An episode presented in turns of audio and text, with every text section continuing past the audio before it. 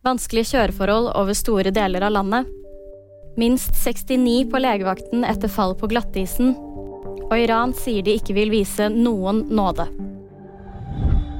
Det er fortsatt vanskelige kjøreforhold over store deler av landet. Som følge av en trafikkulykke ble bl.a. fjellovergangene over Hemsedal stengt tirsdag kveld, men er åpnet igjen nå. Til VG opplyser operasjonsleder Jørgen Ommedal ved Vest politidistrikt at en person er fraktet med ambulanse til Gol. Og det er ikke bare bilistene glatte veier har skapt trøbbel for. Minst 69 havnet på legevakten etter å ha falt på bl.a. vei, fortau og i parker. Det opplyser overlege ved skadelegevakten Martine Enger til VG. Iran sier motstandere av Den islamske republikken ikke kan vente seg noen nåde.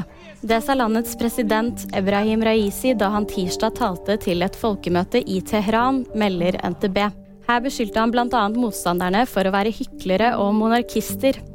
Han hevdet også at antirevolusjonære strømninger sto bak det han kalte opptøyer de siste månedene.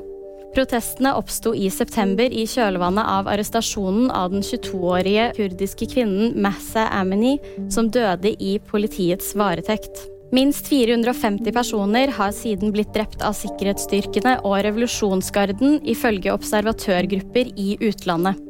VG-nyhetene fikk du av meg, Lea Paritcher, Samadia.